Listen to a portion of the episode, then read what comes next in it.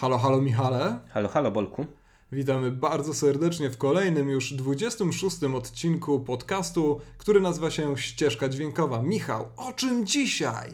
Dzisiaj będą dwie pozycje. Jedna skromna serialowa, a drugi tytuł y, spektakularny kinowy. Po pierwsze American Vandal, y, wielka niespodzianka kameralna od Netflixa, a po drugie Blade Runner 2049. Tego filmu chyba przedstawiać nie trzeba, więc tylko ostrzegam już tutaj przed spoilerami w tej dalszej partii, bo w American Vandal spokojnie możecie posłuchać przed obejrzeniem. Blade Runnera 2049 polecamy. No chyba, że ktoś nie boi się spoilerów, to, to może też przed sensem, ale raczej po sensie. Tak jest, wyszła nam taka luźna dyskusja na różne tematy, ale od spoilerów się tam rzeczywiście roi. Przypominamy o tym jeszcze na początku nagrania tamtego, jeżeli zapuścicie się za daleko, a teraz już bez zbędnych ceregieli zapraszamy. Zapraszamy.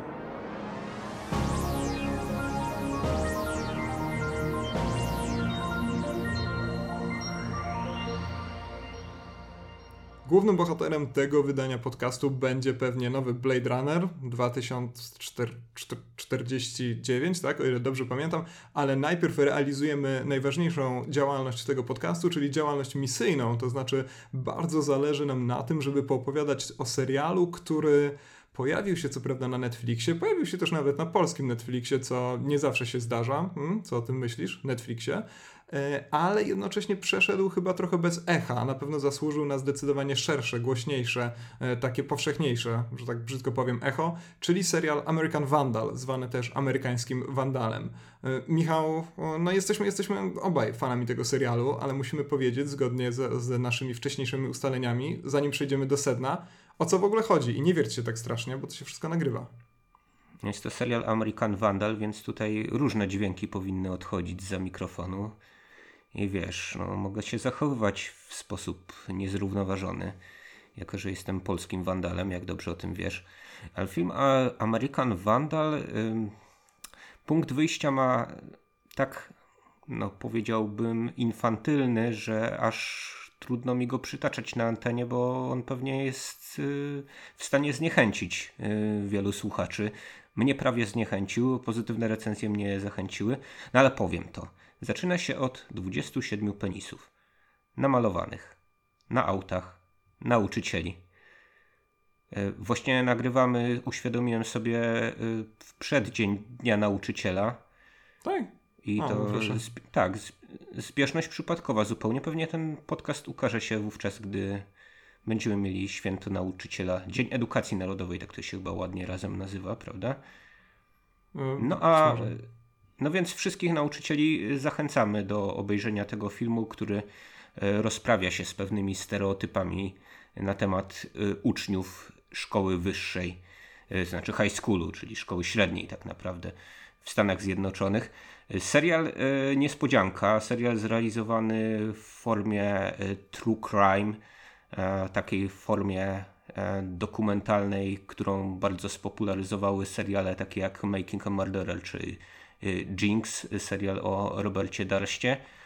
Te seriale skądinąd sam polecam, ale wydaje mi się, że pastisz tych seriali, bo takim serialem jest właśnie American Vandal, przebił oryginały. To się rzadko zdarza, że coś, co wychodzi od, od, od, od parodii jest mądrzejsze, dojrzalsze, no i chyba nawet lepiej zrealizowane niż, niż te wcześniejsze E, seriale, które mia miały być tutaj jakimś elementem do obśmiania. Tak, no to jest, to jest bardzo ciekawe w związku z American Vandal, że to, mimo że zaraz będziemy o nim opowiadać takie rzeczy, że to może no nie przychodzić na myśl jako rzecz pierwsza, ale to, że American Vandal to jest piekielnie inteligentny serial e, z takim fantastycznym, nazwijmy to w ten sposób, przesłaniem, ale też cechujący się cudowną analizą samego gatunku też jednocześnie, ale też trochę trudno o tym mówić, bo dla mnie w każdym razie American Vandal to jest pierwszy od dawna serial, co do którego mam ochotę tylko przerzucać się z ludźmi, z ludźmi dowcipami z tego serialu. To znaczy ja z, z, przyjemnością naprawdę pochyliłbym się nad nim tak za przeproszeniem intelektualnie, ale zamiast tego mam, nie wiem, ochotę wrzucać w ludzi przedmiotami albo wstrząsać im puszką po koli albo coś takiego i albo może robić jakieś inne rzeczy z pewnego pokazanego w tym serialu kanału, ka, kanału YouTube'owego, bo jest to rzecz, No ale robisz to na co dzień, więc wiesz, Przestań tak mówić, Michał, przestań, przestań tak mógłbyś się powstrzymać. Nie mów, nie mów tak, że ty, I, ty, popowiadać, wiesz, jak dyplomowany filmoznawca ludziom, e, jak to, czemu cię nie szanuje? Czemu ja, nie ja, ja cię, Bolku, bardzo szanuję, tylko ty trzymaj się tutaj e, litery podcastu i staraj się mądrze mówić, a przynajmniej nie głupio.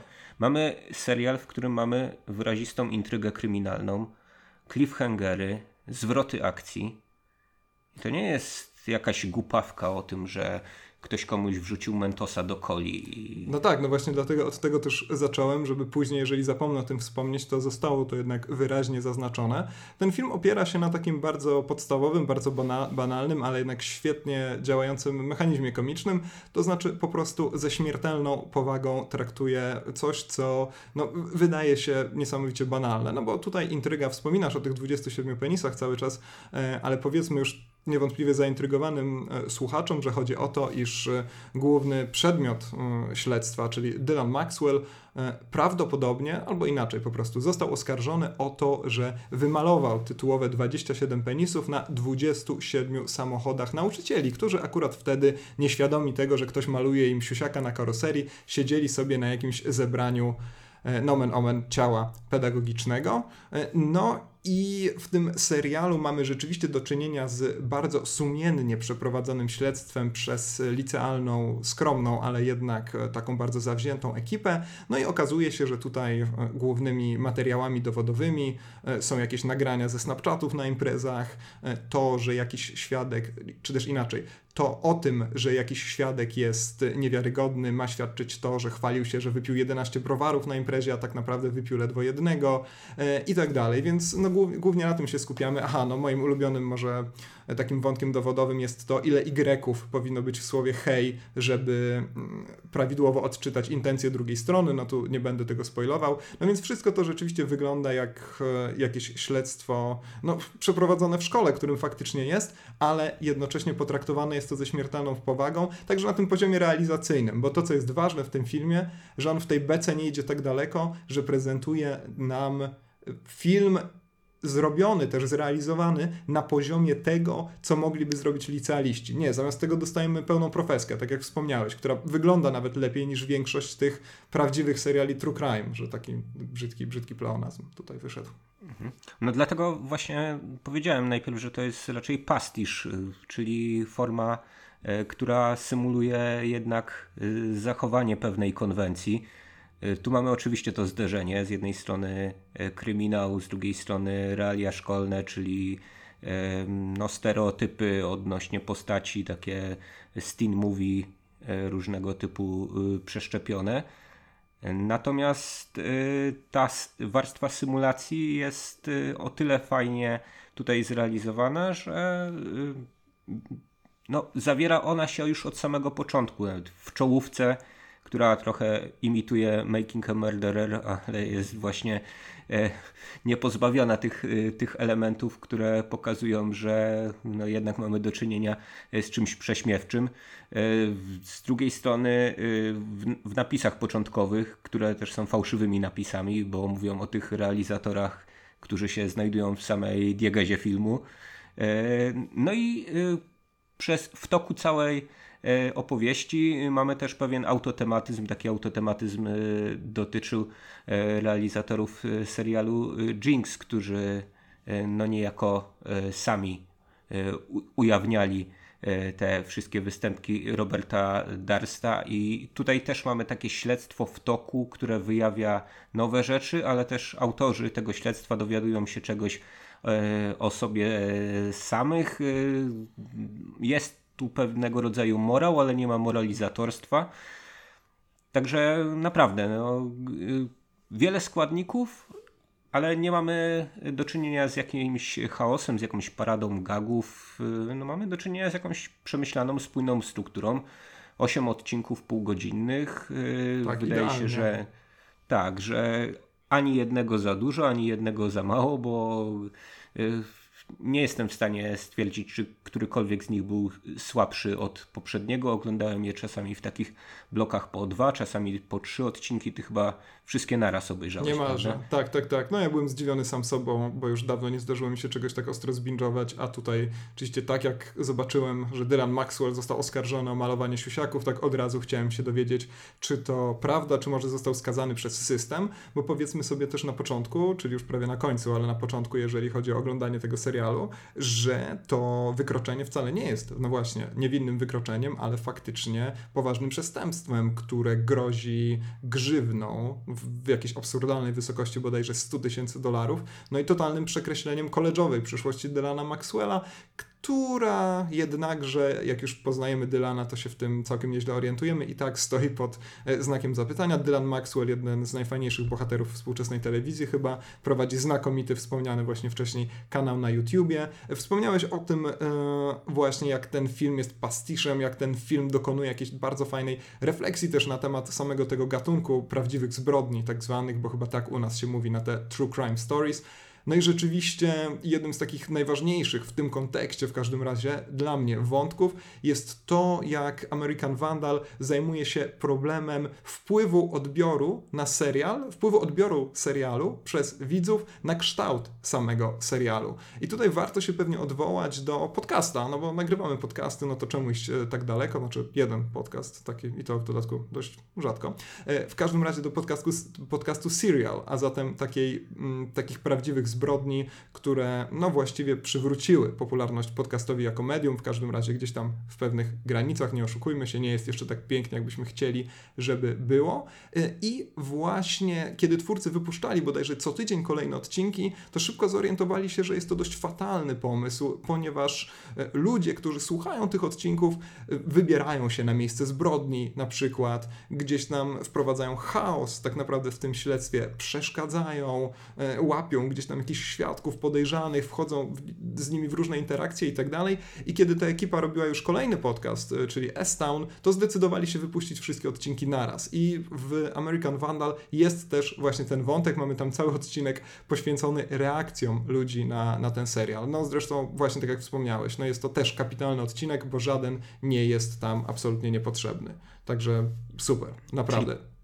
konkluzja jest taka, że mamy szczęście, że my o tej fikcji artystycznej tutaj głównie rozprawiamy, prawda? I że nie ma też publicznych odsłuchów podcastu. Tak, to swoją drogą. A jeżeli chodzi właśnie o fikcję, to, to jest chyba takie być może jakieś rozczarowanie, które może e, towarzyszyć seansowi American Vandal, że ten serial na pewno nie byłby tak piekielnie satysfakcjonujący, gdyby był naprawdę oparty na prawdziwych wydarzeniach, bo tu mamy do czynienia z bardzo precyzyjną, misterną i no, zupełnie fantastyczną konstrukcją scenariusza, podczas gdy no, zwykle te seriale, nawet te, o których ty wspomniałeś, kiedy się kończą, to myślę, że tam towarzyszy widzowi pewne rozczarowanie. No bo możemy nagiąć rzeczywistość, ale tylko pewnie do pewnej granicy. W American Vandal wszystko jest od początku do końca sztuczne i dzięki temu mamy też wspaniałe rozwiązanie. Naprawdę, ostatni odcinek dał mi taką totalną satysfakcję. Także super, jak na serial, który zaczyna się od siusiaków na samochodach, to jestem, jestem, jestem zaskoczony i zadowolony. Tak, Czyli tak. życia nie wyreżyserujesz. Życia nie wyreżyserujesz, Michał. I to jest, no, to, to jest Polecamy pas, pastisze filmów dokumentalnych zamiast filmów dokumentalnych, prawda? Po prostu. Tak, tak, tak, tak. No bo jakby po co komu prawdziwe życie, jak ma seriale. Byliśmy znowu w kinie. Co prawda nie razem, ale na tym samym filmie nam się udało być. Yy... Już rzadko chodzimy razem do kina. Tak, no, no, złe kilometry dzielą nas, mówiłem to kiedyś, więc ostatni raz ten suchar. Yy, byliśmy na filmie, który ma takie inicjały, o ile film może mieć inicjały, jak ty masz inicjały, czyli na filmie Bolesław Raciński 2049, nie, Blade Runner 2049, tak, tak się ten film nazywa. Co prawda nie widziałem y, tych y, 2047 części pomiędzy jedynką a, ten, a tym filmem. Ten suchar też już był tak? w odcinku, w którym rozmawialiśmy. Nie wiem, może ci Ojej. powinienem uprzedzić, które suchary... No, suchy, suchy kaszel mnie męczy akurat, więc to chyba tak się samo narzuca przez siebie. Jesteś usprawiedliwiony.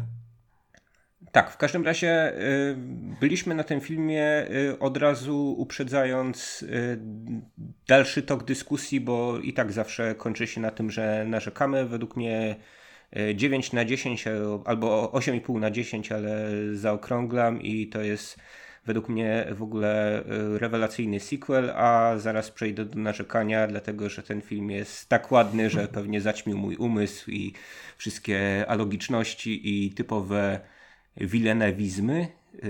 Chyba tutaj akurat no, tak zamiatam mówić. pod dywan. Także przy, no przystąp, przy, przystąp do ataku być może. Y, no to znaczy, nie chciałbym, prawda, żebyśmy od razu mówili, że ja tu jestem tym, któremu nic się nie podoba, ale rzeczywiście ja być może jestem trochę bardziej wrażliwy na wilnenizmy wszelkiego typu. Y, Villeneuve, Denis Villeneuve, który zrobił ten film, to jest taki reżyser, który w naszym podcaście już się przewinął nie raz, ale nigdy do tej pory nie poświęciliśmy jemu albo któremuś z jego filmów całego odcinka.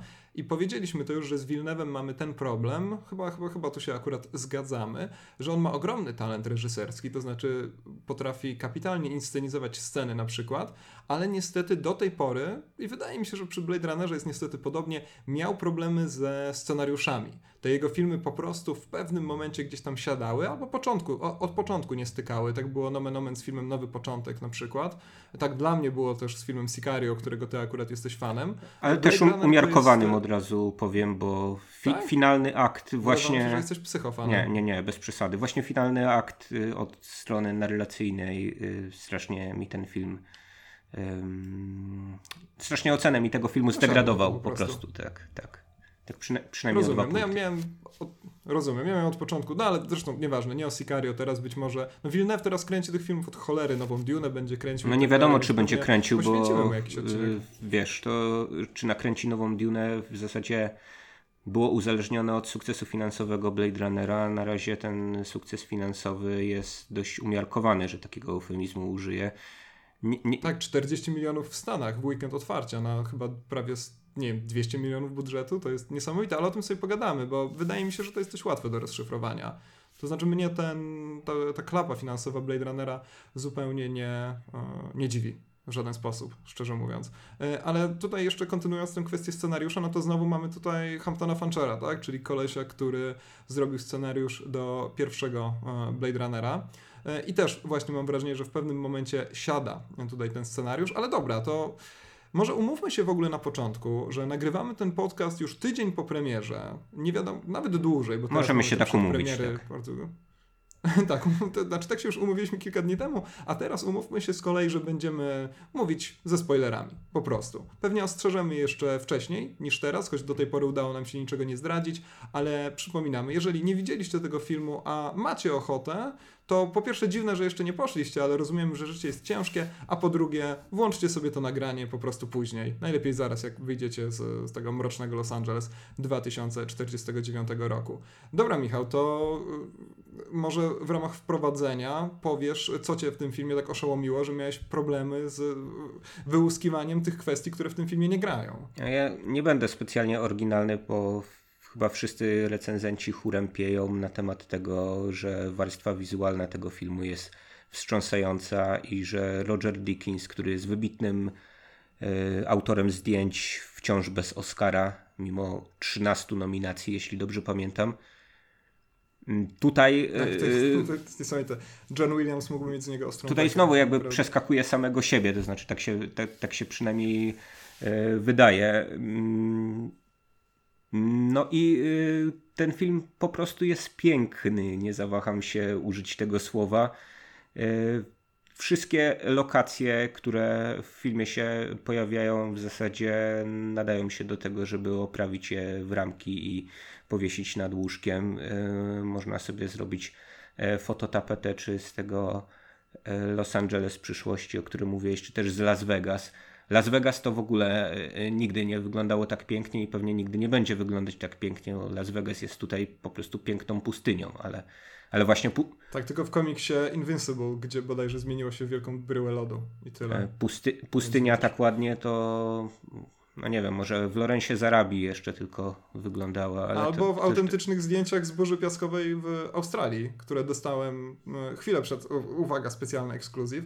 E, e, kolega przesłał mi zdjęcia z burzy piaskowej w Australii, którymi inspirował się Dickens i rzeczywiście wygląda to dokładnie, do, dokładnie tak samo. No to jest piękna inspiracja. No, no fakt, jeszcze mamy Mad Maxa Fury Road, który dział się na pustyni i tam była burza piaskowa i to też wyglądało obłędnie. Tak, więc coś, coś, coś w tych pustyniach australijskich rzeczywiście jest, no ale tutaj pustynia amerykańska e, pięknie pokrywa piachem e, Las Vegas. Co prawda już w, w dalszej partii filmu, bo wcześniej mamy e, dość jasne. Zresztą ten film jest takim sequelem, który z jednej strony proponuje swoje wizualne i narracyjne nowe rozwiązania, z drugiej strony mocno stoi na tym fundamencie, który wzniósł y, film Ridleya Scotta y, z 1982 roku.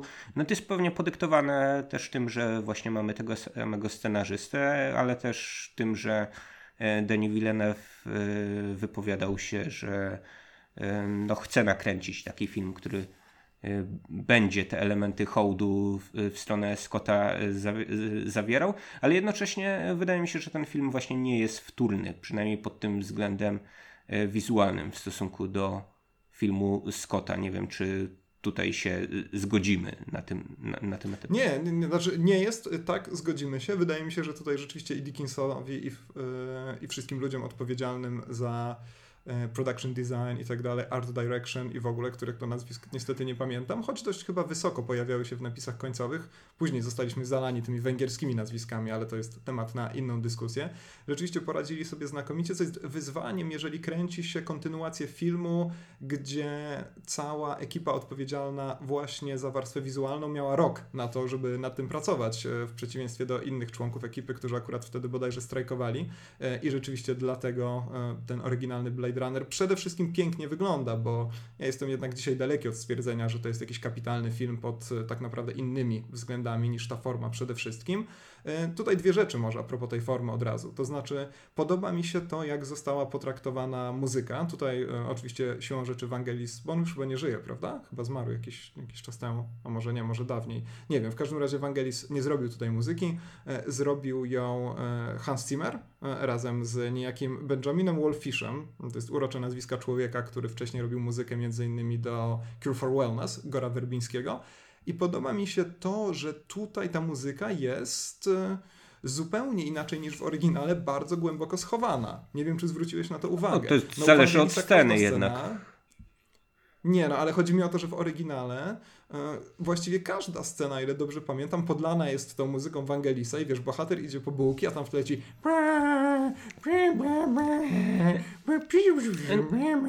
a tutaj tymczasem mamy odpowiednie momenty, w których muzyka się chowa, na przykład w całości zastępują ją bardzo interesujące dźwięki otoczenia i tak dalej. Wydaje mi się, że, że, to, chodzi... że, że, że, że, że to jest trochę chyba chybiony argument, to znaczy wydaje mi się, że e, w pierwszej e, części Blade Runnera E, ta muzyka elektroniczna rzeczywiście mocno świdrowała uszy, ale w tych e, ujęciach e, ustanawiających jednak w panoramie Los Angeles, to tam wówczas głównie te motywy wangelisowskie się pojawiały i chyba tu akurat jednak Villeneuve jest w butach Scotta i rzeczywiście znowu używa muzyki wtedy, gdy lecą drony, wtedy gdy leci y, ten y, latający pojazd, no bo to już nie wiem, czy to jest samochód, czy, y, czy coś innego, jak to nazwać w ogóle, samochodolot oficera śledczego.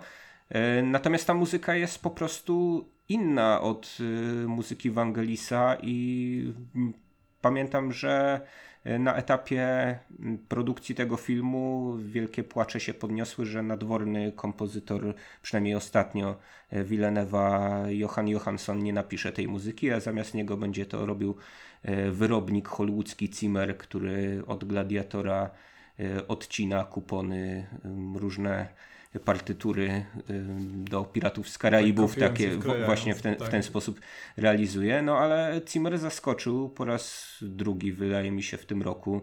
No, zrobił e, dziwną e, ścieżkę dźwiękową do Dunkierki wcześniej, A teraz y, zrobił coś znowu takiego dronowego, brzęczącego, buczącego, bardziej właśnie w stylu Johanssona niż y, w swoim, czy, czy, czy, czy, czy też y, w stylu Wangelisa. Także y, no tutaj ten, tutaj jest, jest podobnie, jeśli chodzi o użycie tej muzyki. Tak mi, tak mi się przynajmniej wydaje po, po, po dwóch seansach z rzędu tych dwóch filmów. Natomiast sama muzyka jest jednak inna i to jest no znowu właśnie jakiś atut tego filmu dla mnie, że on dokonuje pewnego przesunięcia, a jednak pe pewne rzeczy wydają się znajome. No to znaczy, jeżeli chodzi o użycie muzyki, to ja rzeczywiście nie będę się tutaj wymądrzał, bo oryginału, któregokolwiek z oryginałów nie przypominałem sobie przed seansem 2049 części i nie przypominałem sobie ich specjalnie, o czym pewnie jeszcze będziemy mieli okazję rozmawiać. E, wracając do kwestii formalnej i chociażby do tych zdjęć Dickinsa, no to fajnie, że one są ładne, no ale to, to według mnie to nie jest trudne. Po prostu trzeba chcieć i tyle wydaje mi się, że Zrób lepsze, jak mawiają. Plastyczne.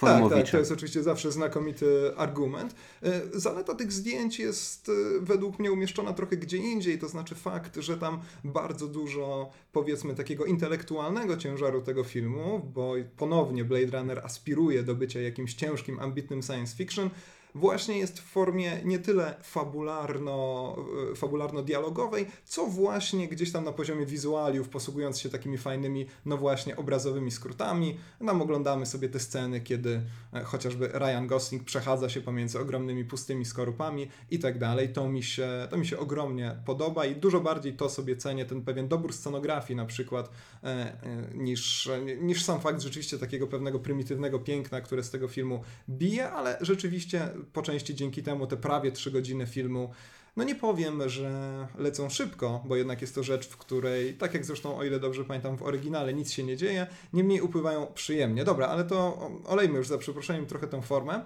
Przejdźmy do tego, co się w filmie dzieje. Ja tutaj od razu powiem, że tak jak będę miał bardzo dużo uwag pewnie do, do tego, co się faktycznie na tym poziomie fabularnym wydarza, to chcę od razu powiedzieć, że Ogromnie podoba mi się wątek główny. Ogromnie podoba mi się wątek Kay, czy też Joe, czy też, nie oszukujmy się, po prostu Ryana Goslinga, bo pewnie tak będziemy najczęściej tego bohatera po prostu nazywać.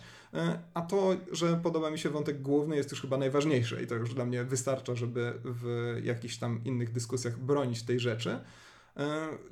Ja tutaj chyba nie dostrzegam tego za bardzo, to znaczy nie, nie uderza mnie to jakoś po mózgu, czyli jakiejś takiej nadętej potrzeby, nadętego opowiadania na nadęty temat o, nie wiem, istocie społeczeństwa na przykład. Tak się zresztą chyba zwykło mówić, kiedy czytamy sobie jakieś recenzje czy analizy filmów, w których mamy to napięcie pomiędzy człowiekiem a człowiekiem syntetycznym, że tu się mówi o rzeczywiście tej istocie człowieczeństwa. Dla mnie ten nowy Blade Runner to jest przede wszystkim taka fantastyczna, bardzo wzruszająca w gruncie rzeczy, bo raczej nie porywająca historia o no, drewnianym chłopcu, który, który chciałby być kimś więcej po prostu. I to nawet nie tylko, niekoniecznie człowiekiem. Wydaje mi się, że to napięcie nie jest to najważniejsze, ale jest to po prostu historia bohatera, któremu wydaje się, że może być kimś więcej, ponieważ tak mówi mu program, który mm, właściwie został stworzony do tego, żeby jak dowiadujemy się z billboardu czy też neonu, mówić ci to, co chcesz usłyszeć. I ten wątek jest zupełnie kapitalnie przeprowadzony, z kapitalnym według mnie rozwiązaniem, choć cały film jako taki nie dostaje według mnie E, satysfakcjonującego,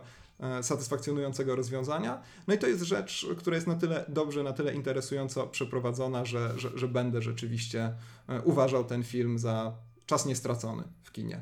Hmm. Co ty myślisz o tym wątku, no tego nieszczęsnego Józefa K., który niczym swój pierwowzór dowiaduje się, że wcale nie jest głównym bohaterem historii. Swoją drogą, e, akurat to dość bezczelne nawiązanie do procesu bardzo mi się nie podobało, bo kiedy pojawiają się nawiązania do Kawki, to przypomina mi się tylko Jesse z Breaking Bad, który krzyczy Kafkaesk, man! I jednocześnie uświadamiam sobie, że e, Amerykanie mają dwa odniesienia do literatury europejskiej. Jest to zbrodnia i kara oraz ewentualnie proces Kawki. No i tu mamy znowu to samo. Jasne, ale wydaje mi się, że to nie jest mimo wszystko aż tak strasznie nachalne. Przynajmniej to nie jest e, tak łopatologiczne, że gdyby e, recenzenci nie wyjaśnili przeciętnemu odbiorcy filmu, że bohater nazywa się K ileś tam numerków w pewnym momencie bywa określony przez swoją elektroniczną przyjaciółkę mianem Joe, y, no to się skleja w to, że on jest właśnie Joe Kay, czyli czyli Józef, Nie, nie, mnie się Józefem bardzo K. podoba, w jaki sposób ten wątek został, został przeprowadzony. No to jest to, gdzieś tam to, detal, nie, który mnie wraca. to nie jest ale... tak, że potem każdy do niego mówi hej Joe Kay, nie? No, Welcome ale to... też nie oszukujmy się, no to był już taki poziom, który kazałby nam pewnie wyjść z kina, nie? No bez przesady, jakby to, to już by była jakaś turbożenada, nie? Której zresztą ten film nie unika też e, momentami, niestety. Tak, ale ja... Bardzo mi... ja chci- mów, ja- mów, mów, bo ja tak pytam, co myślisz, a później gadam, no? No właśnie, co ja, co ja mogę myśleć? Jest, myśleć jestem tylko nędznym androidem. Ale chciałem powiedzieć, że y, w tym filmie wydaje mi się, że następuje pewnego rodzaju odwrócenie. To może, może te pytania o człowieczeństwo rzeczywiście jakieś są w miarę banalne, szczególnie ze- zestawione z y, takimi pytaniami, które w literaturze pisarze science fiction zadają od y, kilkudziesięcioleci przynajmniej. Natomiast y, takim ciekawym odwróceniem wydaje mi się to, że o ile film Scotta mm, bardziej ustawiał nas po stronie właśnie tych zbuntowanych replikantów, czy też, no, jak to było w, y, w tytule mm, opowiadania Dicka Androidów, chociaż one tych robotycznych części pewnie nie zawierały, więc chyba słowo replikant jest słowem lepszym, ale to taka, taka dygresja zupełnie na marginesie. E, Ten film Scotta e, pytał, czy właśnie ten sztuczny człowiek może być tak naprawdę e, człowiekiem albo lepszym człowiekiem, czy, czy, czy może być bardziej ludzki e, od ludzi.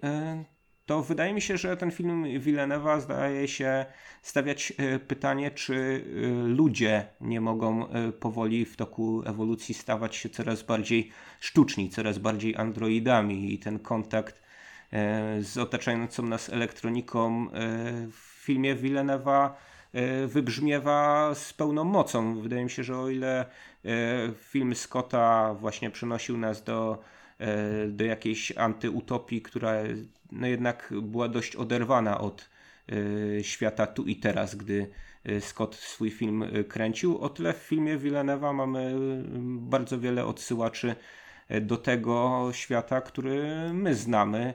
No i po pierwsze to jest właśnie ten kontakt Józefa K., no niech będzie, tak go, tak go będziemy nazywać. y, Z, Nie no, nie nazywajmy go w ten sposób. No właśnie chcemy uniknąć tej takiej no ale ja nie będę mówił K, y, K9258, bo też nie To pamiętam. Jak... mów Ryan Gosling. No to jest jeszcze gorsze, dlatego że wtedy utożsamiasz aktora z graną przez niego postacią, no i potem to prowadzi do takich tragedii, że y, ktoś zaczepia, wiesz, aktora grającego doktora Lubicza i każe mu postawić diagnozę.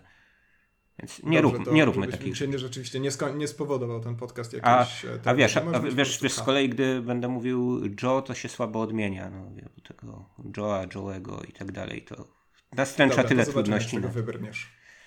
no więc właśnie, mamy tutaj e, relację między e, Józefem K. a Joy. Joy to jest no taka jego cyfrowa przyjaciółka, kupuje sobie pewną konsolę, a potem e, dodatkowy sprzęt, tak zwany emanator, który pozwala mu tę e, przyjaciółkę, e, która wyświetla się w postaci takiego hologramu, zabrać ze sobą i włączyć w momencie dowolnym.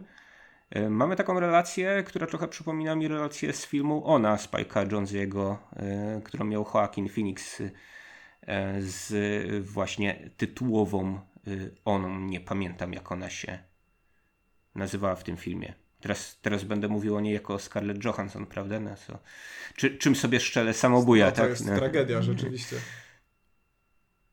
No w każdym To, razie... to nie jest, być to nie jest taki wątek, jest- który dla ciebie jest właśnie e, czytelny, aktualny i w jakiś sposób interesujący jednak, no bo science fiction zawsze interesujące było dla mnie przynajmniej z powodów takich, że no jednak opowiadało o y, naszych czasach w jakiś sposób ekstrapolowanych w przyszłość. Y, nie mówię tu o jakichś hybrydach pomiędzy fantazji a science fiction e, typu Gwiezdne Wojny, Strażnicy Galaktyki i tak dalej, tylko takim właśnie mniej lub bardziej ciężkim science fiction.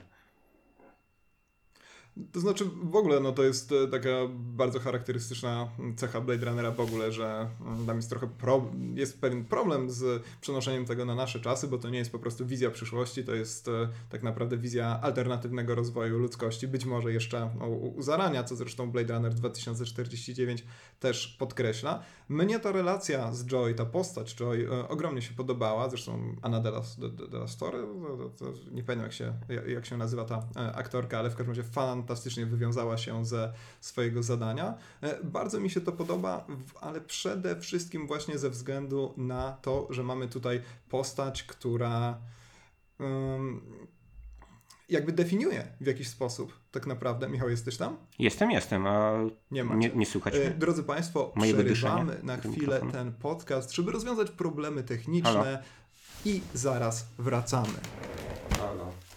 I proszę Państwa, wracamy, drobne zagłócenia. Rozmawialiśmy, no właśnie, czy też ja akurat monologowałem na temat relacji Kay i Joy. No to pięknie brzmi, ładnie to spływa po języku. E, I to, co mnie się w tej relacji najbardziej podobało, to to, że ona właściwie odpowiedzialna była za to, żeby wyrażać jakieś pragnienia Goslinga, e, czy też Kay, przepraszam Michał, naprawdę jest mi bardzo przykro. E, nie wiem, czy zwróciłeś uwagę na to, być może ja też źle zapamiętałem, że właściwie te wszystkie stwierdzenia o tym, tym, że on chciałby być kimś więcej, chciałby wyjść poza swoje programowanie, chciałby coś znaczyć, nie są wyrażane przez niego. One są wyrażane przez nią, kiedy ona gdzieś tam owija się tak efektownie wokół jego ramion i szepcze mu do ucha, że zawsze wiedziała, że coś tam, zawsze wiedziała, że on rzeczywiście jest wart więcej niż wszyscy wokół. No my w tym momencie ewentualnie w przeciwujęciu widzimy tradycyjnie smutne oczy Ryana Goslinga, no i wiemy, że on rzeczywiście się z nią zgadza, ale wydaje mi się, że on nigdy tych e, uczuć, swoich pragnień głębokich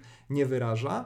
A jeżeli chodzi o jakieś kwestie na przykład miłosne i tak dalej, to ja tutaj nigdy, czy, czy jakichś w ogóle głębszych emocji między nimi, to ja akurat nigdy na przykład Joy nie odczytywałem przez nigdy, czyli przez te niecałe 3 godziny seansu, jako na przykład jakąś postać z potencjałem do, za przeproszeniem, emocji prawdziwych czy też tego, co my traktujemy jako emocje prawdziwe. E, o tyle, o ile jego przywiązania do, przywiązanie do niej jak najbardziej rozumiałem, to ani razu nie miałem wrażenia, że ona jest czymś więcej niż tylko idealnie zaprojektowaną towarzyszką, taka jak, e, taką, jakie powoli gdzieś tam zaczynają się też u nas, w, w naszym świecie pojawiać, ale ciągle są w fazie testów. No tak, ona zdecydowanie wypowiada te kwestie, które postać Józefa chciałaby użyć. I niestety w pewnym momencie Villeneuve nawet nam łopatologicznie to tak pokazuje reklamą. Joy y, w pewnym momencie postać grana przez Goslinga się spotyka. Wówczas mamy no już jakby bez ogródek powiedziane, że Joy jest tylko jakąś taką emanacją jego pragnień i właśnie projekcją jego mniej lub bardziej świadomych myśli. Y, rzeczywiście no jest to jakieś, jakieś zagrożenie, które, które przed y, nami chyba dzisiaj y, stoi. Tak zwane syntetyczne kochanki czy syntetyczni kochankowie. To wydaje mi się kwestia absolutnie czasu. Zresztą do pewnego stopnia można tę relację odnieść też do jakiejś takiej bańki mediów społecznościowych, w której żyjemy, w której też otaczamy się tymi komentatorami, tymi ludźmi, którzy E, no, mówią nam takie rzeczy, jakie chcielibyśmy usłyszeć, no a resztę to sobie jakoś tam wyłączamy, prawda, z naszego newsfeeda. Więc to, to też mam na myśli, mówiąc o tym, że ten film e, aktualizuje e, tu i teraz. No, z takich innych elementów, no to latają tam drony zwiadowcze i bojowe, które też są e, już nawet nie melodią przyszłości, ale jakąś naszą rzeczywistością, tylko bardziej. E, mamy e, pracowników E, niewolniczych, e, tutaj akurat dzieci, e, które jakoś tam symulują to, co się dzieje w krajach tak zwanego trzeciego świata, w których to rzeczywiście ludzie składają, czy odzyskują w zasadzie, poddają procesowi recyklingu niejakiego sprzęty elektroniczne. Także wydaje mi się, że no jednak Villeneuve chciał sporo powiedzieć, czy Hampton Fancher bardziej może nawet, dużo powiedzieć o teraźniejszości w tym jednak kostiumie y, antyutopijnym. Tak, no i to, to, rzeczywiście, no, z tym, że wydaje mi się, że te wypowiedzi często sprowadzają się do jakichś takich dość mocno e, zgranych haseł. E, swoją drogą, e, a propos właśnie naszego wiecznego właściwie powracania do oryginału, to być może mm, tym, czego w nowym Blade Runnerze najbardziej mi brakowało, jest właśnie jakieś takie fantastyczne szaleństwo. Szaleństwo, które w oryginale oczywiście było przede wszystkim e, wyrażane przez postać Roya Batiego, czyli Rutgera Hauera, ale, ale nie, nie Rutgera Hauera, tylko Roya Batiego, broń Boże. E, I właśnie mam wielki problem, szczerze mówiąc, z brakiem jakiejś takiej postaci, bo on wspaniale tak naprawdę ten konflikt w oryginale wyrażał. Wspaniale wyrażał to, że on ma tylko, ile tam, 3-4 lata życia? 4. 4 lata życia jako ten akurat model tam Nexus, który to jest 6, tak? Michał, 6. taki quiz mhm. z, łowcy, z oryginalnego łowcy androidów. No i dzięki temu, że on żyje tak krótko, to on wszystko będzie przeżywał bardziej, on wszystko będzie czuł mocniej, on po prostu będzie bardziej człowieczy niż ty, nawet jeżeli ty się urodziłeś, a on całkiem No on widział został... takie rzeczy, o których tobie się nie śniło, wiesz. Tak, tak, tak. Płonące no statki szturmowe w pasie Oriona i tak dalej. Tak, no i szczerze mówiąc... Widziałeś kiedyś płonące statki szturmowe w pasie Oriona? Wczoraj ale nie rozmawiajmy o tym. W każdym razie, no, no właśnie, i tutaj swoją drogą brakuje takiej sceny. Nie mówię oczywiście, żeby była to ta scena, ale takiej sceny, która jest tak pięknie naładowana takimi rzeczywiście surowymi emocjami, jak na film, w którym tak dużo o emocjach się mówi, to być może trochę tych emocji na ekranie rzeczywiście brakuje, bo jeżeli ja mam emocjonalnie traktować powrót Dekarda, jednej z najgorszych postaci w historii kinematografii, no to naj, najmniej interesującej zupełnie, to, to chyba nie bardzo. W każdym razie, jeżeli chodzi o moje zupełnie prywatne odczucia, no ten film jest jednak tak okrutnie uładzony e, i cały czas e, właściwie od pierwszej do ostatniej minuty idzie idealnie jak po takim zakręconym, ale jednak bardzo ładnie i wyraźnie ułożonym sznurku. E, i to mnie, to jest taka rzecz, która, która, która troszkę jednak mnie drażniła, zwłaszcza pod koniec seansu, gdzie już po prostu się nudziłem. I tyle, bo oglądałem taką idealnie prującą do przodu machinę, no może nie prującą, kroczącą raczej majestatycznie do przodu. Mm, ja nie chciałbym wszystkiego sprowadzać do takiej e, do takiego poziomu, że e, winny jest e, Villeneuve, ale w tych jego filmach do tej pory trochę było tak, że ta wizja autorska dominowała, wizja całości nad bohaterami. Villeneuve się nigdy jakoś bardzo mocno nie przejmował rysunkiem psychologicznym bohaterów ich jakimś specjalnym zniuansowaniem. E, by nie szukać daleko, no możemy wrócić do Sicario chociażby, gdzie e, mamy agentkę, taką nowicjuszkę jeszcze w swoim fachu, wchodzącą w w świat, który ją trochę przerasta, tych powiązań pomiędzy właśnie CIA a kartelami e, narkotyków. No i ta bohaterka też jest e, taką trochę tabula rasa. E, nawet gdy mamy bohaterów, którzy teoretycznie powinni wiedzieć dużo i nieść ze sobą też jakiś, jakiś pokaźny bagaż, no nie powiem emocjonalny, ale wiedzy w nowym początku, no to oni są jakimiś takimi bardzo kiepskimi lingwistami, to już widać na, na pierwszy rzut oka. Y, I znowu, no jakby Villeneuve'a bardziej interesuje kreacja całego spójnego świata, która zwykle robi dość oszałamiające wrażenie, poszczególne sekwencje, natomiast y, bohaterowie tak, no to, to, to, jest, to jest wciąż pięta Achillesowa. Ja zawsze e, powtarzam sobie, że mam nadzieję, że następny film Villeneuve'a będzie miał porządny scenariusz i wtedy będzie spełnionym arcydziełem. Tutaj, tak, ja no, mam dokładnie to samo.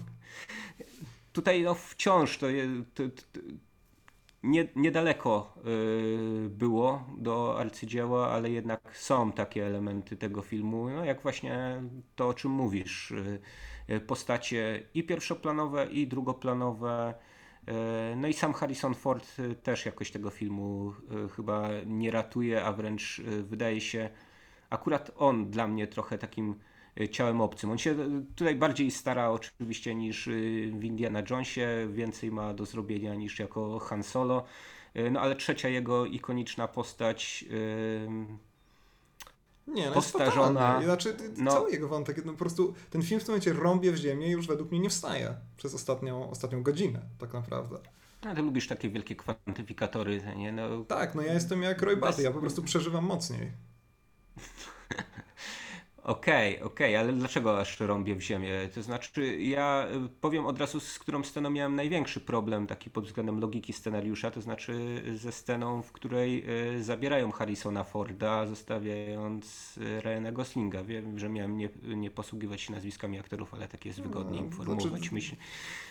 E, oczywiście, I, ty, ty tutaj aspirujesz do miana nad człowieka, który posługuje się tylko imionami postaci z filmu, o którym rozmawiamy, ale to się nie uda. Michał, ja doceniam ambicje, ale tak się po prostu nie da rozmawiać. No i, po, i postać Goslinga zostaje w pewnym momencie e, właśnie w tej całej haciendzie e, Dekarda zostaje nie wiadomo czemu porzucona tak? przez złowieszczą korporację.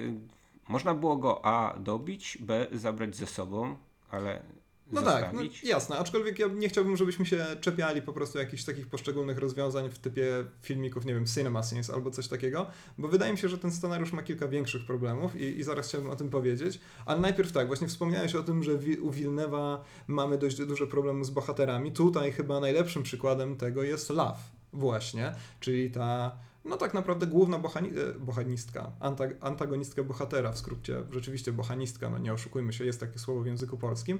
I owa bohanistka zaczyna się właściwie dla nas jako widzów, jako postać zupełnie fascynująca, bardzo intrygująca, świetnie zresztą zagrana, tylko po to, żeby bardzo szybko zostać sprowadzoną do roli, no właśnie takiego mięśniaka, czy też mięśniaczki e, w tym przypadku, która rzuca jakimiś takimi hasełkami typu dobry piesek i tak dalej, a później w ostatniej scenie nagle wykrzykuje jestem najlepsza, wyrzucając ramiona w górę i, i skacze do wody. I to, jest, to jest niesamowicie komiczne. To jest znakomity przykład tego, jak mi się zdaje, o czym wspomniałeś, czyli to, że Villeneuve jest tak zakręcony na punkcie historii i chyba nawet bardziej rzeczywiście kreacji spójnego świata, e, że zapomina o tych postaciach. E, jeżeli chodzi o samego Harrisona Forda, to tu mam. Tak, tak... Po, mhm. Poczekaj tylko moment, bo jeszcze we, we, wejdę ci a propos te, tej Zapraszam. akurat bohaterki. E, ona taką e, ciekawą ewolucję, jeśli można tę ewolucją nazwać, przechodzi, bo na początku wydaje się taką dość współczu współczującą Płacze, istotą jednak, prawda? No, do, dokładnie, no, śmierć e, replikanta no, budzi w niej, wydaje się, jakieś no, hiperludzkie emocje. Natomiast potem coraz bardziej zmierza w kierunku takiej bohaterki kina akcji klasy C. Tak, więc, tak, tak, więc, te, więc, więc, to, jest, to, to jest jakby ruch w drugą stronę niż to, co, czego doświadczał, nie wiem, Roy Batty na przykład. Tak, dokładnie. To jest, tak, tak, tak, tak, tak, jak on nagle awansował do tak naprawdę głównego bohatera, w każdym razie może nie głównego bohatera, ale najciekawszej postaci Blade Runnera, Człowiek, oryginalnego. Znaczy człowieka chciałem powiedzieć, to znaczy E, postaci, która uczy się empatii, tak? I na koniec jest w stanie no, do tego takiego najwyższego ludzkiego poświęcenia. Tak, i dostaje piękną śmierć, być może najpiękniejszą śmierć w historii kina, podczas gdy ta bohaterka po prostu zostaje utopiona w tej, zresztą chyba jednej z niewielu dość źle, według mnie, zaaranżowanych scen w, w tym filmie. Dobra, Harrison Ford w takim razie, czy też e, Descartes. E, powiem szczerze, że najpierw w ogóle na takim poziomie jeszcze przedfilmowym to miałem problem z tym, co robi marketing tego filmu. To znaczy, nieważne jak unikasz spoilerów, nieważne jak nie wchodzisz na YouTube'a ani na Facebooka, to wchodząc do kina musisz zobaczyć Harrisona Forda, przepraszam, Decarda na plakacie. E, no i w tym momencie tak naprawdę przez cały film czekasz, aż wreszcie ten Descartes się pojawi.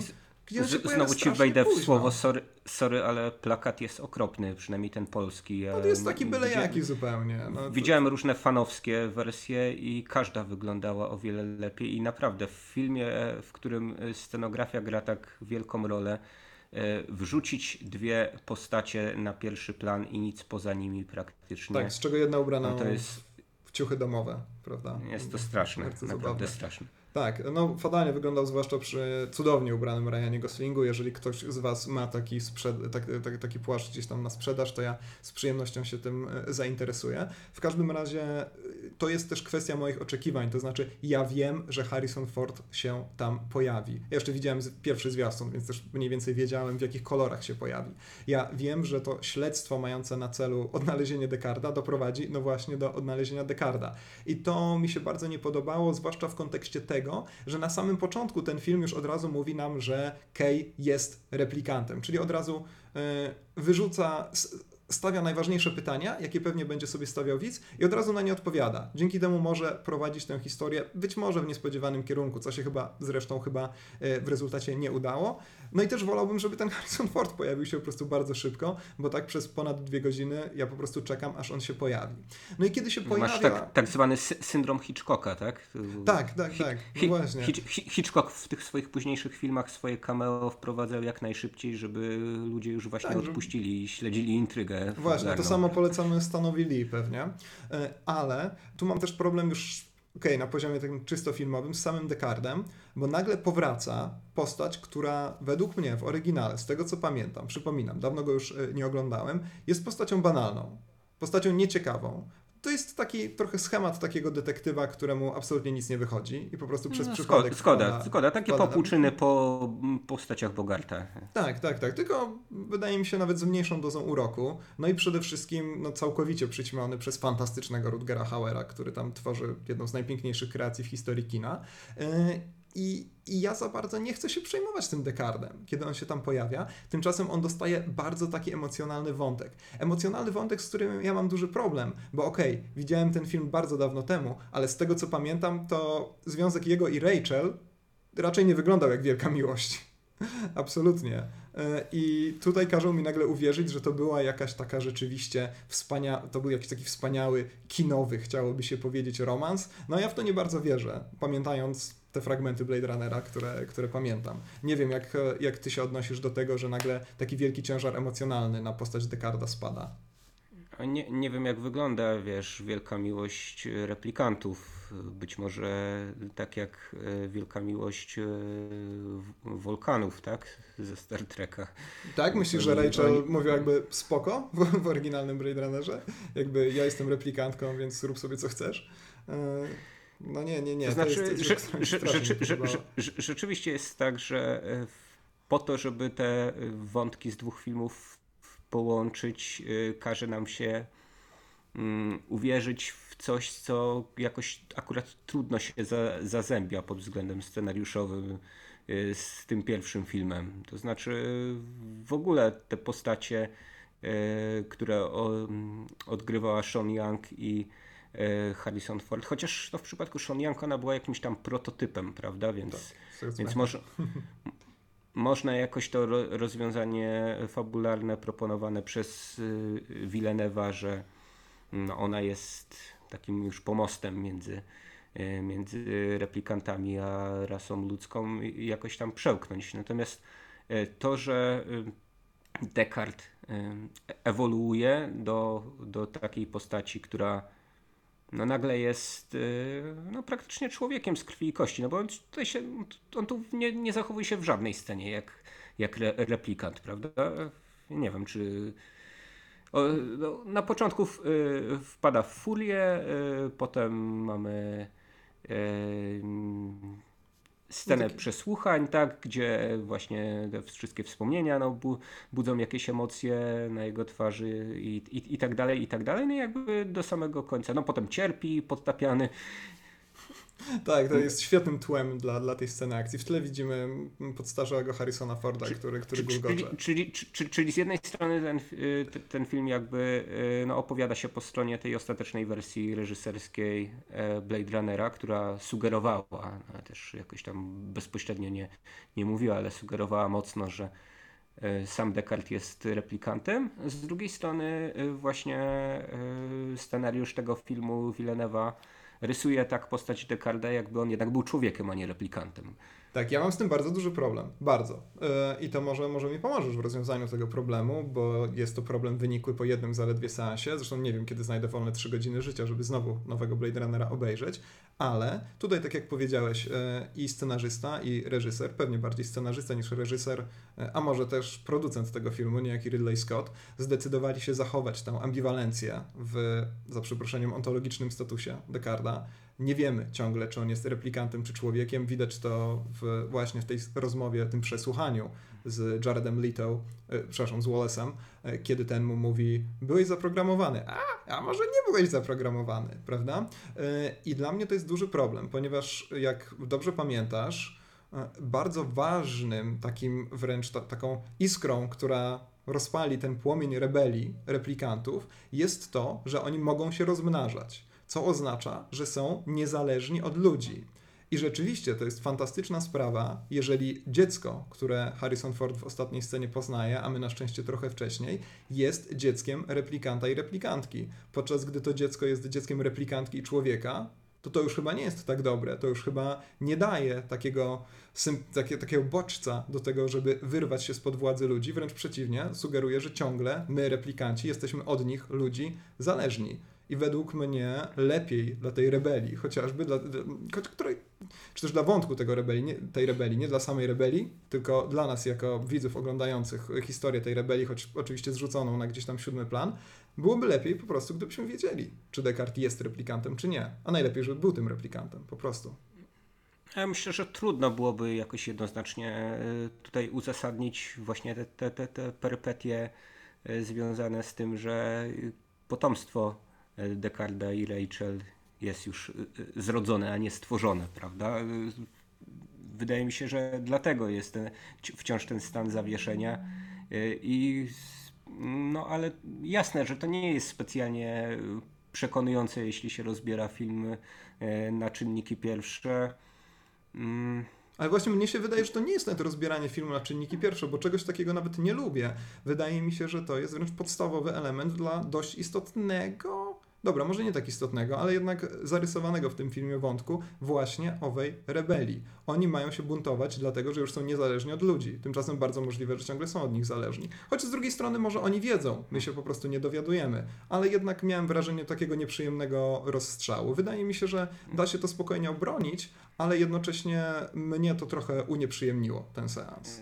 Znaczy tak, to jest status ontologiczny, jak to się ładnie nazywa Descartes, jest y, no chyba czymś, y, o czym można byłoby napisać jakąś dłuższą pracę naukową i no mamy tutaj tylko pewne sugestie, prawda? I tak jak, tak jak w pierwszym filmie, wiemy w ogóle w pierwszym filmie cokolwiek o tych replikantach Nexus 6, to że właśnie oni, one mają ograniczony ograniczoną e, datę ważności, e, natomiast e, Rachel już raczej nie, bo jest jakimś tam prototypem. Natomiast no, siłą rzeczy to, to, to, że mamy tam otwarte zakończenie, no to nie powie nam, jakim modelem był Descartes. To, że on jest w stanie przeżyć tyle lat, no bo jednak 30 lat minęło pomiędzy czasem akcji pierwszego Blade Runnera, a filmem Villeneuve'a. No jest to takie dwuznaczne, bo e, z, z, jednej strony no widzimy, no nie da się tego nie zobaczyć, yy, upływ czasu na twarzy Harrisona Forda, chyba żeby go odświeżali w taki sposób, jak to robiono z Arnoldem Schwarzeneggerem w Terminatorze, ale, ale nie tak, zrobili tego. Liczyłem na to no, przez chwilę. No więc nie wiem, no być może to jest jakaś sugestia, że on jest po prostu swego rodzaju hybrydą, tak? No i dlatego. Może tak. Ja, ja mnie jakby. Ja mam problem z tym, że z jednej strony utrzymują tę ambiwalencję, a z drugiej wprowadzają wątek, który e, jest przez tę ambiwalencję podmywany. Tak, że tak naprawdę trudno skleić pewne elementy. Ale dobra, to może zostawmy na chwilę Harrisona Forda, Ryana Goslinga i przejdźmy do trzeciej gwiazdy tego filmu, czyli Jareda Leto, który pojawia się na szczęście w dwóch scenach i jest koszmarny. Czy się mylę, Michał? Hmm. Znaczy, no, to jest generalnie problem z y, aktorem, który chce bardziej. Y, napisali mu jednak taką postać, która wydaje mi się, że do pewnego stopnia y, usprawiedliwia te wszystkie manieryzmy, które no, Jared Leto już prezentował w roli Jokera chociażby. Y, I wydaje mi się, że y, to, że wokół niego latają jakieś kamerki, dzieje się wiele, albo zwykle pojawia się gdzieś na, na, na drugim planie ta jego urocza syntetyczna asystentka, to sprawia, że, mm, no, że, to właśnie, że te manieryzmy Jareda to jakoś ten, jakoś, jakoś jestem w stanie zupełnie przełknąć. No, A, no to szczerze postać, no znowu, znowu nie jest jakoś dobrze napisana, tak, no bo to jest jakiegoś rodzaju e, nawiedzony prorok, dziwny tak, sekciarz. Tak, tak, To jest postać, który... która powstaje tylko po to, żeby jej monolog trafił do zwiastuna jako narracja. Tak mi się no, zdaje. Wydaje się, że taki człowiek mógłby co najwyżej robić jakieś tam rzeźby z plasteliny, y, które też nie byłyby arcydziełami sztuki, y, ale nie coś, co rzeczywiście wymaga jakiegoś tam talentu inżyniersko-technicznego. No ale Nieważne, to znaczy wydaje mi się, że mm, no na tyle właśnie zredukowano jego postać y, też tymi wszystkimi ozdobnikami, które, które wokół niego się odbywają, to, że uczyniono go niewidomym i tak dalej, że no naprawdę nie przeszkadzało, nie, nie, nie, nie przeszkadzało mi to specjalnie, że że, że, że to znowu się zachowuje jak w roli Jokera. Mnie nie przeszkadzało, to znaczy mam wrażenie, że jest to przede wszystkim popis fatalnej gry aktorskiej. On nawet nie sprawia wrażenia e, postaci ekranowej, która chce aktorzyć, tylko po prostu aktora, który sobie z tym nie radzi, ale jednocześnie szanuje naprawdę, że pojawia się w bodajże tylko dwóch scenach. To jest coś, co napełnia mnie radością, że tak jak mówisz, no, została jego postać zredukowana. To jest to jest taki dziwny aktor, który y, tak zwane aktorstwo psychologiczne dopchnął gdzieś do ściany karykatury. Prawda? Tak, i to zupełnie tak zwane, bo to chyba nie o to chodzi w metodzie i tak dalej, prawda? To jest, to jest jakiś niesamowity absurd, co on wyprawia, co on opowiada i tak dalej. To showmeństwo zdecydowanie prześcignęło Stanisławskiego tutaj. Tak mi się Czy on tak tutaj y, nosił jakieś soczewki? Y, tak, on był cały żeby czas, się tak, utożsamić tak, z postacią? Tak? Cały czas Aha, no na, plamie, na plamie. Mm, no na, no, na planie prostu... grał e, niewidomego. Straszny. Mogli wziąć niewidomego aktora, tak jak w Baby Driver na przykład, ale nie, weźmy Jared Leto. No trudno. No, no, ale to może on nie był w stanie przez to obejrzeć tych zdjęć testowych, tak? No, o, to jest bardzo uto, dobra Utożsamiał się z rolą, założył sobie te soczewki, no nawet y, przed lustrem nie był w stanie y, nic zagrać. To znaczy mógł sobie zagrać, no ale nie zobaczył tego, więc tak, to by, to by rzeczywiście bardzo, bardzo tłumaczyło, bardzo dużo tłumaczyła, tłumaczyło. O, dobra, już mi się trudno mówi. Michał, czy zmierzamy ku końcowi Blade Runnera, czy chciałbyś jeszcze jakiś wątek naruszyć, poruszyć? Wydaje mi się, że e, cokolwiek powiem może zostać użyte przeciwko mnie, a powiedziałem już wiele rzeczy, które wskazywałyby na to, że ten film nie zasługuje na ocenę, jaką na początku mu wystawiłem. Niemniej jednak e, ten film naprawdę był dla mnie dość e, dużym, no, nie powiedzieć wstrząsającym, wstrząsającym nie, może nie, ale naprawdę sporym przeżyciem, bo jednak jest to blockbuster inny niż te, które nam e, serwują różnego rodzaju franczyzy dzisiaj. I być może przez to w moich oczach on jest nobilitowany może za mocno trochę, ale te trzy no, godziny w kinie... Jesteśmy na, na, tylko ludźmi, na, niestety. No naprawdę, te trzy, trzy, trzy, trzy, godziny w kinie były dla mnie e, doświadczeniem e, spektakularnym. No i wydaje mi się, że widziałem tak. parę rzeczy więcej tak. Później płacząc, płacząc w deszczu będziesz mógł opowiadać, że byłeś w kinie na Blade Runnerze 2049. Ja tylko powiem jeszcze o jednej Widziałem Blade Runnera jarzącego się w ciemności. Tak, pięknie. I to jak? E, choć rzadko, bo jednak jest to film raczej ciemny. Ja tylko wspomnę o jednej rzeczy. Na początku powiedziałem, że nie odświeżałem sobie tego filmu, przez tego filmu, rozumiem oczywiście oryginał specjalnie. Zastanawiałem się, jaka będzie właśnie ta relacja e, sequelu do oryginału, na ile będzie to autonomiczne dzieło. I wydaje mi się, że jednak oglądanie tego filmu bez e, przynajmniej takiego no więcej niż szczątkowego, ale jednak niedokładnego zapamiętania oryginału nie ma większego sensu, zwłaszcza w trzecim akcie, kiedy rzeczywiście pojawia się tak ogromny bagaż emocjonalny, że nie znając oryginału możemy tylko i wyłącznie no, patrzeć na ekran wzrokiem Jareda Leto, to znaczy wzrokiem niewidzącym, bo rzeczywiście trudno chyba będzie utożsamiać się z tym, co wydarza się na ekranie. I też to jest dla mnie przyczyna, dla której ten film jest, jak to się ładnie po angielsku mówi, bombą box office'ową, ponieważ e, no, trzeba tutaj odrobić zadanie domowe, które nie oszukujmy się, dla wielu może być trudne, bo trzeba obejrzeć film z 82 roku, w którym nic się nie dzieje. Więc nie dziwię się w no, takim razie, że ludziom współczesnej nie młodzie młodzieży, zrobić. która stanowi jednak przynajmniej w Ameryce gro widowni filmowej, e, to rzeczywiście może być trudne doświadczenie. E, ten film Ridleya Scotta no, rzeczywiście nie jest jakimś fajerwerkiem narracyjnym. E, tam akcja przyspiesza tylko w niektórych momentach ścigania poszczególnych androidów, natomiast toczy się dosyć wolno.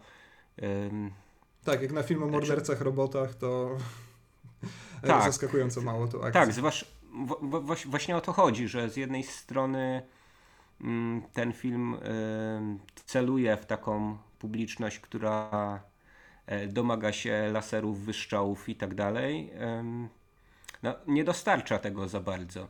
Co prawda właśnie w filmie Villeneuve'a jakieś tam e, wybuchy szczątkowe się pojawiają, ale no to też nie są eksplozje na miarę tak, no trochę flaków, a, ale, ale a, a tempo, akcji, te, tempo akcji na pewno y, no na pewno nie było takiego blockbustera, który by się w, w, w tak wolnym tempie toczył w ciągu kilku ostatnich sezonów. Tak, tylko że niestety może, z tego... osta może ostatnia e, część o planecie Małp e, nie jest też jakaś spektakularna pod względem e, rozwoju akcji, no ale potem mamy już kumulację w postaci takiej widowiskowej bitwy. No, no tak, a tutaj, tutaj... Do, początku, do, do, końca jest wszystko zgaszone. No problem jest taki, że w ostatnim akcie ten film usiłuje zostać rasowym blockbusterem, ale mam wrażenie, że świadomość reżysera jest w tym momencie mocno rozszczepiona i wychodzi takie zupełne byle co. Ja tylko jeszcze wspomnę o najpiękniejszej scenie tego filmu, bo najpiękniej zagranej, czyli tej, w której e, Ryan Gosling, przepraszam, Kay, spotyka dziewczynę, która później okazuje się córką Harrisona Forda. Um, Przepraszam, nagle coś wyświetliło mi się na monitorze i dlatego mnie to trochę rozproszyło. Jest to kapitalna scena właśnie pod kątem aktorskim, choć fakt, że to ona akurat okazuje się córką Harrisona Forda jest troszkę rozczarowujący, ale jednocześnie sam wątek Kay dostaje wspaniałe domknięcie i tego będę się trzymał. Jest to film przepiękny, faktycznie, ze znakomity, znakomicie pomyślanym i świetnie poprowadzonym głównym wątkiem, rozczarowujący na wielu poziomach, niestety, ale jednocześnie będę podkreślał, skoro podoba mi się główny wątek, to nie mogę powiedzieć, że nie podoba mi się cały film, więc jak ja bym miał się zamknąć w jakiejś liczbowej ocenie, czego do tej pory unikałem, to pewnie gdzieś w okolicach siódemki na dziesiątkę e, bym się kręcił. No to jest niewątpliwie dowód na to, że dzieło filmowe nie kończy się na scenariuszu i nawet jakieś luki narracyjne nie przekreślają e, tego, że film może być e, spełniony jako, jako całość tak, tak czytam ten film. Także. Tak, choć według mnie Wilna ciągle tego spełnienia, w każdym razie w moich oczach, wątpię, że mu na tym zależało, się nie doczekał, ale czekam z niecierpliwością. E, naprawdę, bo to jest człowiek, o, chyba obok Christophera Nolana, jedyny reżyser, który się stara jakąś autorskość tchnąć w takie kino gwiazdorskie. Nie zawsze są to blockbustery, ale często jest to kino właśnie o dużym budżecie ze znanymi aktorami. No to jest chyba dobre zestawienie Villeneuve Nolan. Może kiedyś poświęcimy na to jakiś osobny odcinek podcastu, prawda? Z przyjemnością. Zajmując się stylem tych dwóch reżyserów. Michał, bo... z tobą wszędzie pójdę. Więc czemu? Obaj, obaj poważni, obaj e, odpływają w kierunku fantastyki, e, chociaż no, Nolan ostatnio jakby wrócił e, z gwiazd, ale obaj mają też, też podobne wady i chyba warto tak, zdecydowanie. No, dedykowany psy, psy, psychofanom obu reżyserów odcinek na ten temat nagrać, ale to już nie dzisiaj. Nie dzisiaj. Nolan pewnie wygra w kategorii moda. Dobra, to bardzo dziękujemy. Jeżeli rzeczywiście dotrwaliście aż do teraz, bo jest to, nie widzę dokładnie, ale zdaje mi się, że piekielnie długa rozmowa, to serdecznie zapraszamy do no, słuchania kolejnych odcinków, polubienia na Facebooku, jeżeli tego jeszcze nie zrobiliście, wystawienia recenzji na iTunes, napisania czegoś na YouTubie. Ogólnie rzecz biorąc, strasznie się rozprzestrzeniliśmy w internecie. Roz, co ja powiedziałem? Rozprzestrzeniliśmy? Rozprzestrzeniliśmy w internecie, więc serdecznie zapraszamy do tego, żeby nas tam gonić. Zapraszamy ludzi, androidy i wszelkie inne rasy. Do zobaczenia. Do zobaczenia. Sayonara, żółwie. O, no właśnie.